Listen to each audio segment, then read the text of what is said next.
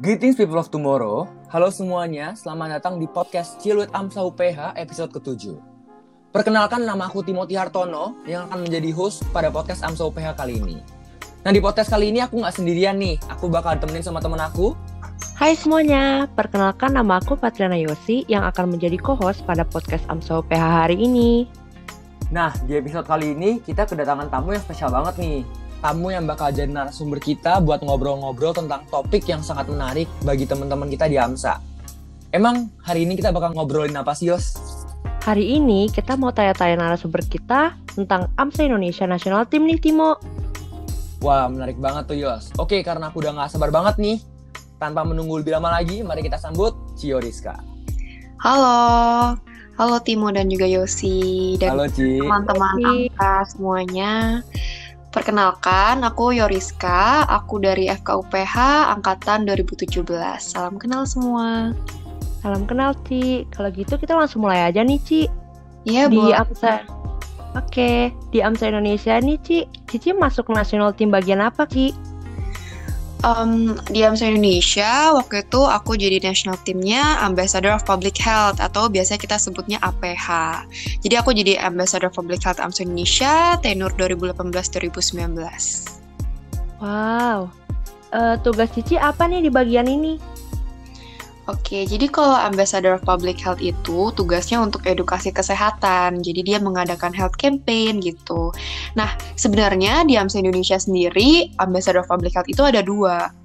Ada dua tipe, yaitu Ambassador of Public Health District dan juga yang nasional. Jadi ada 6 APH District, satu nasional. Nah, saat itu aku menjabatnya jadi yang nasional. Tapi aku jelasin keduanya ya. Jadi kalau yang APH District itu tugasnya tentu bikin health campaign juga. Nah, tapi bedanya dia ada satu project khusus yang namanya AMSA District Project atau biasa kita singkat ADP.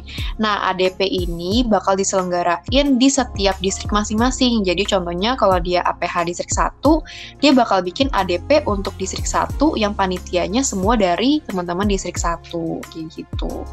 Nah, kalau misalnya si APH nasional, APH nasional itu nggak ada ADP, karena kan dia sifatnya nasional kan. Kalau nasional ini dia tentu bakal support teman-temannya yang adain ADP tadi, tapi dia juga bakal megang satu acara yang berskala nasional. Tapi tergantung di tenor itu ada atau enggak acara yang berskala nasional. Contohnya di tenornya aku itu ada yang namanya YCTA. Jadi saat itu aku pegang YCTA untuk wakilin AMSA di YCTA. Nah, kalau di tenor berikutnya nih ada yang namanya Show Your Rare. Itu adalah salah satu APH projectnya AMSA Indonesia. Jadi yang megang itu APH nasionalnya. Nah, dulu-dulu banget nih pernah juga ada yang namanya Chef for Hope. Kalau bisa kalian cari, itu salah satu acara yang benar-benar kebanggaannya AMSA Indonesia, bahkan sampai menang rekor muri, dapat rekor muri gitu. Jadi Chef for Hope kalau kalian bisa mau cari, cari aja itu keren banget ya acaranya. Nah, itu dipegang sama APH nasional juga kayak gitu. Um, oh, aku mau nambahin lagi mungkin kalau yang APH ini semuanya tentu bakal bantu cari yang namanya GO dan juga NGO. Uh, GO tuh apa? GO itu governmental organization, contohnya kayak Kementerian Kesehatan. Um, kalau misalnya NGO itu non-governmental organization, contohnya misalnya uh, Yayasan Jantung Indonesia kayak gitu. Karena kan tadi Ambassador Health kerjaannya kan bikin health campaign. Nah, di situ kita nggak bisa kerja sendirian doang, tapi kita butuh yang namanya GO dan juga NGO buat kerja sama-sama kita. Nah, di ADP tadi atau di acara-acara APH lainnya, itu kita kerjasama sama GO dan NGO. Makanya um, tugasnya APH tuh bantuin IB-nya, Executive Board yang megang si APH ini buat cari GO NGO tadi, buat ke AMSA Indonesia juga, kayak gitu. Oke Ci, untuk uh, pertanyaan yang kedua Ci, uh, apa sih yang jadi motivasi awal Cici sampai akhirnya Cici mau daftarin diri jadi anggota AMSA Indonesia National Team Ci? Uh, motivasi aku pertama-tama tuh emang aku tuh pengen banget kontribusi di AMSA, terutama di AMSA Indonesia. Pertama-tama tuh waktu ada executive board, kakak-kakak executive boardnya AMSA Indonesia datang ke welcoming partinya AMSA UPH.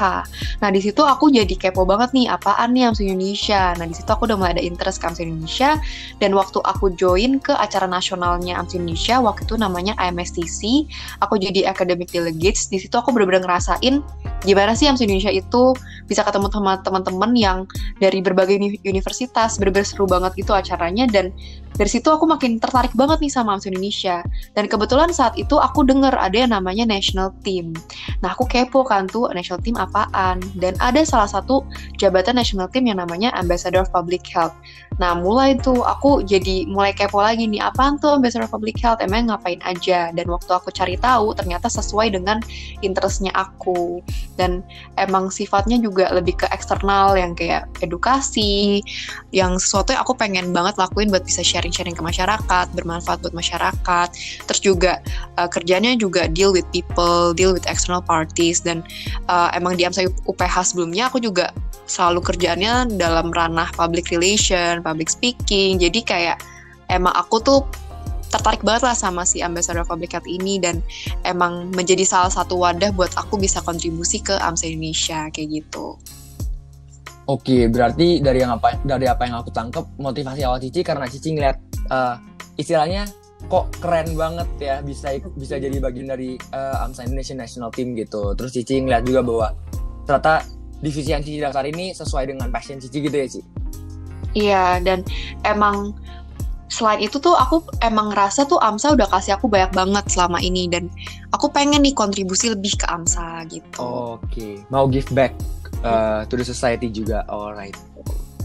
Kalau gitu pertanyaan selanjutnya nih Ci, hal-hal apa aja nih Ci yang butuh di, uh, dipersiapkan ketika kita mau mendaftar diri sebagai anggota dari AMSA Indonesia National Team? Oke, jadi kalau yang diperlu yang perlu dipersiapkan itu dokumen yang paling pertama tentunya. Nah, dokumennya itu ada beberapa dokumen yang diminta.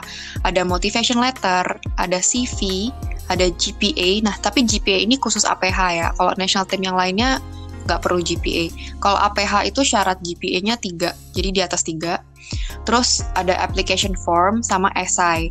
Nah, uh, ini juga khusus buat APH sama motivation letter juga kayaknya setahu aku khusus buat APH.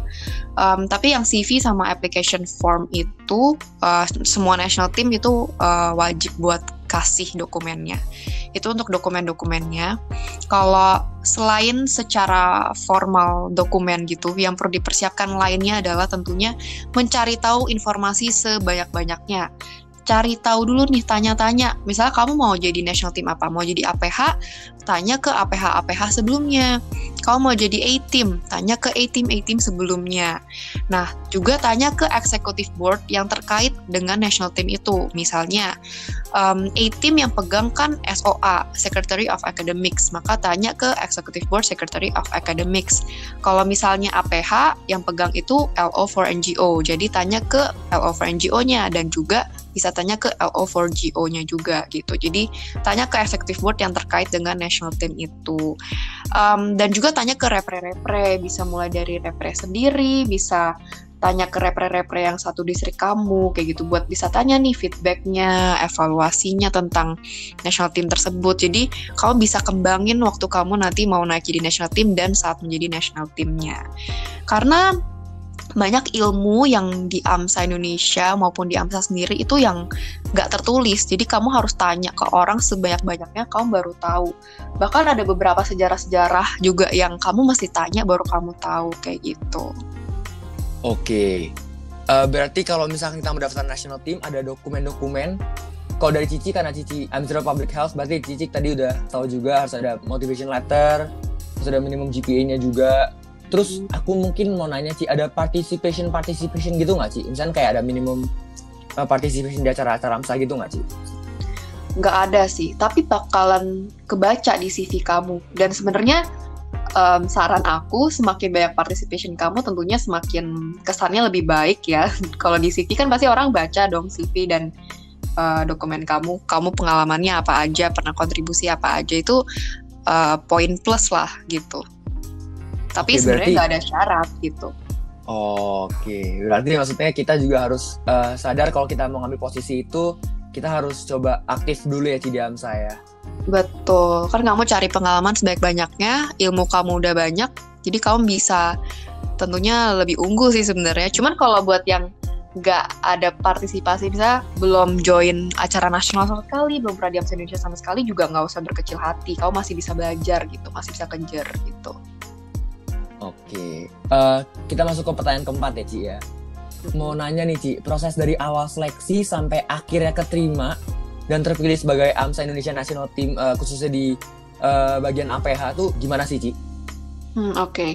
jadi kalau national team itu sendiri pastinya kamu harus pantengin Google mailing list atau mungkin repre kamu bakal kasih pengumuman ya di grup besarnya AMSA-nya buat ada nih uh, open recruitment dari national team. Nah dari situ bakal uh, perlu submission dari berkas-berkas tadi kayak Motlet, CV, app form kayak gitu-gitu. Nanti kamu submit tuh. Cukup banyak sih dokumennya yang perlu diisi. Habis itu um, nanti setelah kamu submit nanti tunggu jadwal interview nanti bakal ada interview dulu zamannya aku uh, kalau APH itu interviewnya video call kalau yang lain tuh dulu via Skype chat tapi mulai tenor ini yang terbaru ini yang 2020-2021 mereka udah ganti sistem mereka jadinya kalau yang national team lainnya itu mereka Zoom call kalau APH video call tetap gitu. Um, terus nanti udah selesai interview, tunggu pengumuman. Nah, tunggu pengumuman. Kalau yang national team lainnya semua langsung pengumuman nih siapa jadi AEC, siapa jadi A-team, R-team, PNP, misalnya kayak gitu. Um, kalau APH nanti pengumumannya beda, dia pengumumannya tuh baru sampai ke tahap 12 finalis. Jadi dia belum langsung pengumuman national team APH-nya siapa, tapi jadi 12 finalis dulu. Nah, kalau misalnya udah pengumuman 12 finalis, biasanya dipilih dua orang tiap distrik gitu. Jadi dua orang tiap distrik bakal jadi finalis. Baru mereka memasuki tahap berikutnya yaitu adalah final round. Nah, final roundnya ini kerjaannya bikin health campaign uh, batas waktunya biasanya dari pengumuman yang 12 finalis tadi bakal sekitar 10 sampai 12 hari. Mereka harus udah langsung bikin health campaign-nya, bikin proposalnya, bikin video reportnya, kerja sama sama GO atau NGO. Nanti di hari terakhir, misalnya hari ke-10 atau hari ke-12 tergantung deadline-nya, itu mereka udah harus kasih video report dan juga uh, report via formatnya essay gitu misalnya kayak gitu. Nah, setelah itu baru deh pengumuman siapa Ambassador Public Health tahun ini. Ada enam orang APH distrik, ada satu uh, jadi APH nasional kayak gitu. Oke, berarti memang ternyata prosesnya untuk akhirnya bisa terima jadi APH di national team tuh panjang banget ya Ci ya? Betul, panjang banget dan penuh pressure gitu tapi bakal belajar banyak banget. Pokoknya kalau kamu udah pernah coba apply net team, mau nggak mau mau keterima atau mau nggak keterima, pasti belajar sesuatu sih, gitu. Oke. Oke kak, kalau gitu aku lanjutin ke pertanyaan kelima nih kak. Tukar duka Cici sama Cici menjabat jadi national team ini apa nih kak? Hmm, kalau suka dukanya ya, jadi kalau sukanya sih sebenarnya lebih banyak sih, karena dapat pengalaman baru banyak banget, terus dapat pembelajaran baru, dapat teman-teman baru gitu.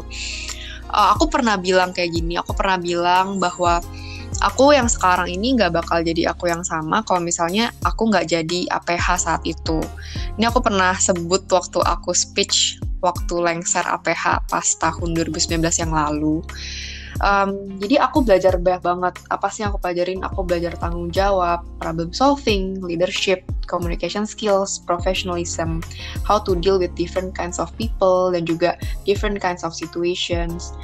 Dan juga belajar gimana sih harus gercep, harus inisiatif, harus inovatif gitu.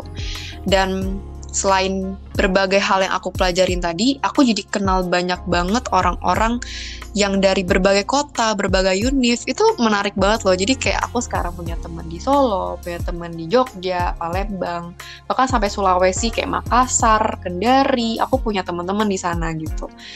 Yang nggak bakal aku dapetin kalau aku nggak kecemplung di AMSA Indonesia gitu. Um, dan tentunya benar-benar friendshipnya AMSA tuh berasa banget. Itu bener-bener sesuatu yang berkesan banget buat aku selama di AMSA. Um, dan banyaklah kenang-kenangannya apalagi pas acara nasional. Sayang banget sekarang sebenarnya acara nasionalnya hanya bisa online ya. Padahal kalau offline tuh seru banget. Walaupun online masih tetap seru tapi kan kayak offline tuh bakal lebih banyak kenangan-kenangan ya gitu sih sebenarnya kalau ketemu langsung kan gitu. Seru kok seru kalau uh, di AMSA Indonesia. Uh, mungkin kalau dukanya ya um, dukanya lebih ke arah waktu sih uh, karena waktunya keambil banyak banget sebenarnya kalau jadi national team tentunya karena kamu pegang tanggung jawab kan. Pasti kalau kamu pegang tanggung jawab bakal harus sisain waktu uh, tertentu buat tanggung jawab tersebut. Hmm, jadi waktu akademiknya keambil, waktu main-mainnya keambil.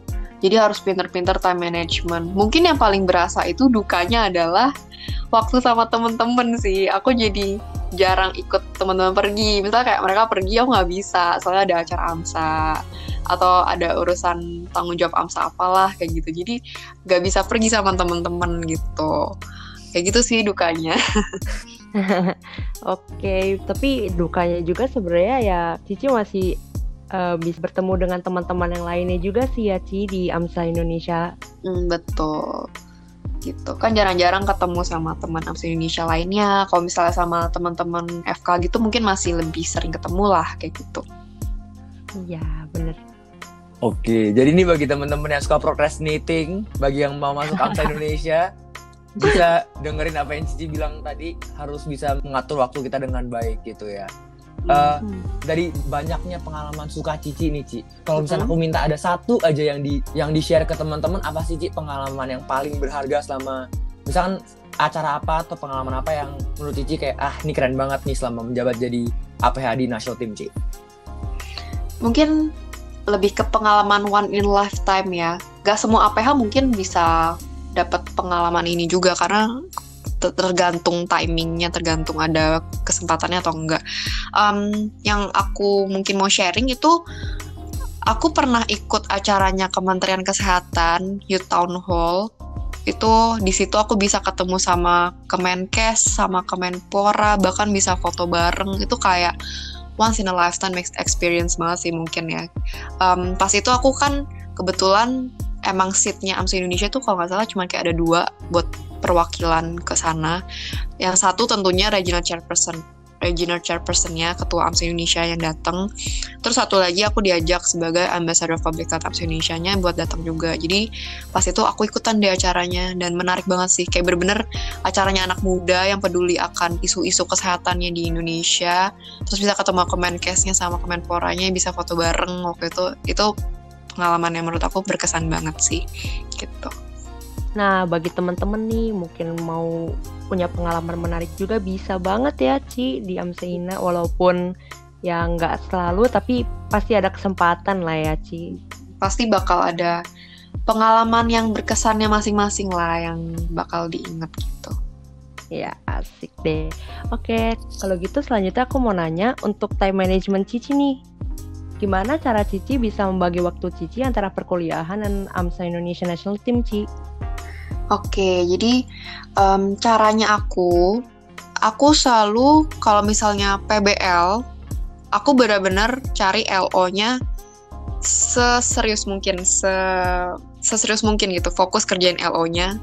Misalnya kayak patosnya semua aku bener-bener cari ngertiin nonton video-video yang di YouTube misalnya Arman Sudungan lah Osmosis lah Ninja Nerd Science misalnya dan cari-cari sebanyak-banyak mungkin supaya aku ilmunya banyak jadi pas diskusi juga fokus dengerin diskusinya kalau aku carinya kurang aku dengerin teman-teman yang carinya lebih banyak lagi supaya aku belajar saat itu gitu. Jadi ilmunya kalau bisa resap sebanyak mungkin waktu aku PBL itu gitu. Dan pas lecture juga bener-bener dengerin, bener-bener catet, dengerin fokus supaya nggak kebuang waktunya. Kan kadang kalau orang yang uh, waktunya banyak yang misalnya maaf ya, cuman kuliah pulang kuliah pulang kan mikirnya ah nanti masih bisa review lagi gitu kan. Cuman waktu aku jadi national team tuh aku sadar diri kayak waktu aku nggak banyak. Kalau aku nggak belajar sekarang aku nggak punya waktu lain lagi. Jadi itu yang bikin aku jadi serius buat belajar pas lecture sama pas PBL karena aku sadar diri aku nggak punya waktu selain ini gitu. Jadi pas lecture aku bener lecture pas PBL beneran PBL kerjaan LO yang bener nanti waktu break atau waktu lagi pulang ke kos di rumah aku bisa ngurus acara-acara AMSA aku dan tanggung jawab tanggung jawab AMSA aku kayak gitu. Jadi harus pinter-pinter time managementnya. Tapi ya di sini jadinya emang seperti aku sebutkan ya waktu main sama teman-temannya kurang. Tapi uh, jadinya untuk kehidupan akademik dan organisasinya sebenarnya masih bisa balance balance aja. Nah terus um, tapi di sini kunci teman ini teman itu juga penting. Lingkungan teman yang baik yang mendukung misalnya teman-teman yang rajin belajar juga yang dukung uh, kamu dalam hal akademis juga itu penting. Yang lingkungannya emang suka nih belajar bareng kayak gitu-gitu. Itu juga sangat membantu. Jadi uh, waktu tentunya mendekati minggu ujian bisa review bareng-bareng, bisa sharing, bisa diskusi. Nah dari situ juga lumayan dapat ilmu banyak nih, apalagi buat orang kayak aku yang mungkin gak sempet belajar, jadi aku lumayan kebantu lah sama yang udah belajar gitu. Oke Ci, berarti memang bener-bener nggak boleh procrastinate ya Ci. Apa yang bisa diselesain saat itu sebaiknya langsung kelar ya Ci ya. Iya, dulu aku pernah pegang satu quotes bukan quotes sih kayak prinsip. Biar aku juga sadar diri buat kayak hal yang aku bisa selesaiin hari itu cukup buat hari itu aja masalah yang harus diselesaikan. Nggak usah dibawa ke besoknya lagi gitu. Jadi yang bisa diselesaikan hari itu selesaikan hari itu. Karena besok akan ada tanggung jawab dan masalah-masalah lainnya lagi kayak gitu. Cuman ya sebenarnya aku juga masih ada kok sebenarnya procrastinate procrastinate nya cuman ya harus sadar diri harus tahu prioritas lah. Kayak lagi prioritasnya selesain apa ya selesain gitu. Gitu sih. Mantap. Ini kata-kata yang luar biasa banget nih teman-teman. Jadi apa yang bisa diselesain hari ini selesain hari ini karena besok akan ada tugas-tugas dan masalah-masalah baru lagi gitu. betul. Ini hari ini menarik banget. Kita bisa ngobrol-ngobrol bareng Cio Rizka tinggi banget Ci. Udah mau deh ngobrol-ngobrol. Uh, banyak banget insight buat kita kita karena jujur aku juga masuk uh, national team. Oh. gitu. Apa? Jadi mau jadi apa? nah, mau jadi apa ya belum tahu sih, tapi oh, okay. mengarah ke sana gitu. Bagus, mantap. Jadi uh, untuk mengakhiri uh, ngobrol-ngobrol kita hari ini nih, Ci, boleh sedikit sharing tips and tricks buat teman-teman yang mungkin mau daftar jadi anggota dari Amsaina National Team, Ci. Mungkin harus ngapain, harus persiapannya apa, gitu-gitu. Boleh di-share, Ci? Boleh. Uh, jadi sebenarnya mungkin ini emang pertanyaan yang penting banget. Banyak orang yang mau jadi national team tapi mereka nggak tahu secara jelas harus ngapain. Um, berdasarkan dari pengalaman ya. um, jadi kalau tipsnya untuk mau daftar uh, jabat jadi national team, tentunya pertama-tama cari yang kamu emang interest, emang kamu mm, tertariknya di situ tuh. Kamu emang tertarik di situ dan kamu bisa komitmen di situ. Supaya nanti kamu bisa berjuang lebih buat dapetin itu dan selama kamu jabat juga lebih senang lah gitu. Um, dan kenali juga alasan kenapa kamu mau daftar itu. Itu bakal jadi motivasi dan juga komitmen kamu dari awal. Um, karena kalau udah ada tekad di awal yang kuat, kayak yang aku tadi bilang, pasti kamu akan lebih berjuang sekeras-kerasnya buat bisa dapetin itu. Gitu. Karena dulu waktu aku daftar jadi APH, aku bener-bener pengen pakai banget gitu. Jadi uh, aku nggak aku waktu itu bilang ke diri aku aku nggak boleh cuman kasih 100% aku harus berberkasih misalnya kayak sampai 10 ribu persennya aku lah gitu. Jadi kalau aku nggak terima aku nggak ada penyesalan. Karena aku emang udah maksimal banget ini semua aku bisa kasih. Kalau aku emang nggak keterima berarti emang aku nggak mampu lah di situ gitu. Kayak gitu. Um, terus karena kalau kalau misalnya kamu juga udah punya tekad dan kayak bener-bener pengen banget pasti orang-orang sekitar kamu bakal bantu. Pasti senior-senior kamu repre-repre uh, repre kamu itu bakal bantu karena udah lihat kamu juga serius dan mau berjuang gitu. Jadi lebih seneng juga buat ngebantunya kayak gitu. Um, dan kalau misalnya kamu bingung nih oke okay, aku pengen banget nih aku pengen banget terus aku harus ngapain? gitu.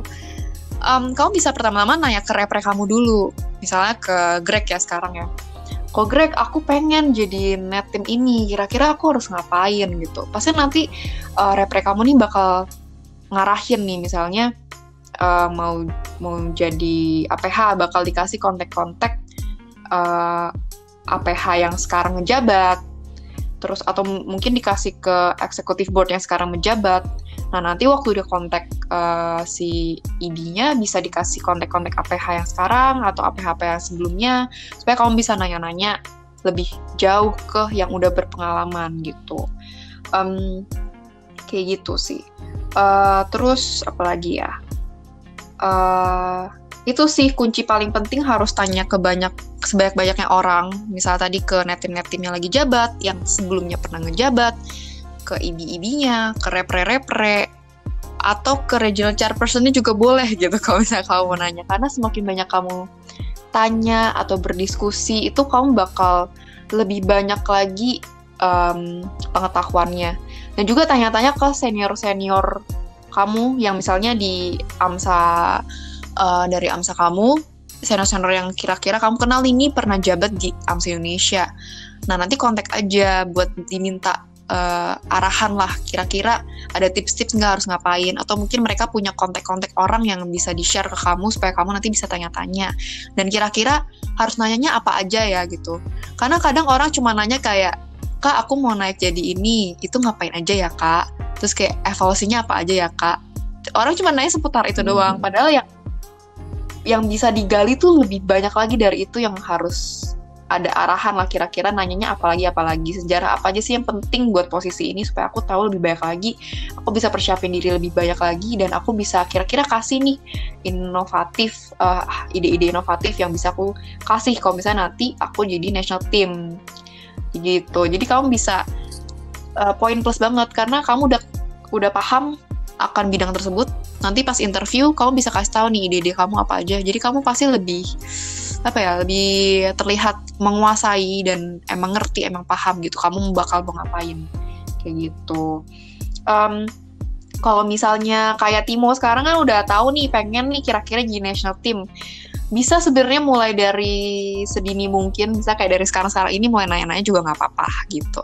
Karena aku mulai nanya-nanya lumayan sekitar Januari Februari kayak gini ya waktu itu saya MSDC itu sekitaran segitu. Terus aku kayak mulai tanya-tanya yang kayak cuma nanya-nanya doang sih sebenarnya APH tuh ngapain kayak gitu yang setelah itu kayak pas libur tengah tahun gitu aku baru bener-bener fokusin. Cuman kalau mulai dari nanya-nanya dari sekarang juga boleh biar ya mulai duluan lah dibanding yang lain misalnya kayak gitu. Gitu. Oke Ci, berarti uh, untuk teman-teman yang mau daftar nih, yang terpenting adalah pertama kita harus tahu tujuan kita mau ke divisi yang mana, mau, mau ambil posisi yang mana, dan kedua effort ya Ci, kayak tadi Cici bilang, jangan cuma kasih 100% tapi kalau bisa kasih 10.000% ya Ci ya. Dari tadi Cici ngomong uh, harus berani nanya, harus tahu nanyanya apa. Uh, aku nangkepnya yang paling penting untuk kita bisa masuk AMSA National Team tuh effort ya Ci ya. Mm-mm, betul. Um, sama tadi yang komitmen tadi, kalau misalnya uh, kamu tuh pengen daftar tuh kenapa sih gitu? Apa yang pengen kamu capai? Tujuan secara jelas kamu tuh di national team apa yang mau kamu capai?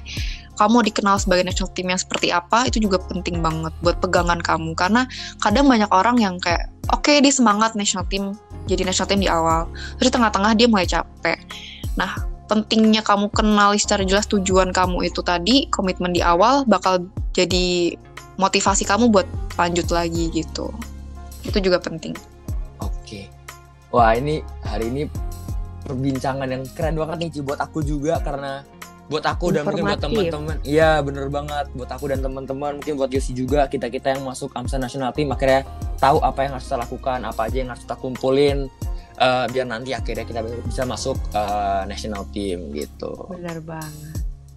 Thank you banget sih buat uh, waktunya. Thank you banget udah mau kita ajak ngobrol-ngobrol di podcast hari ini.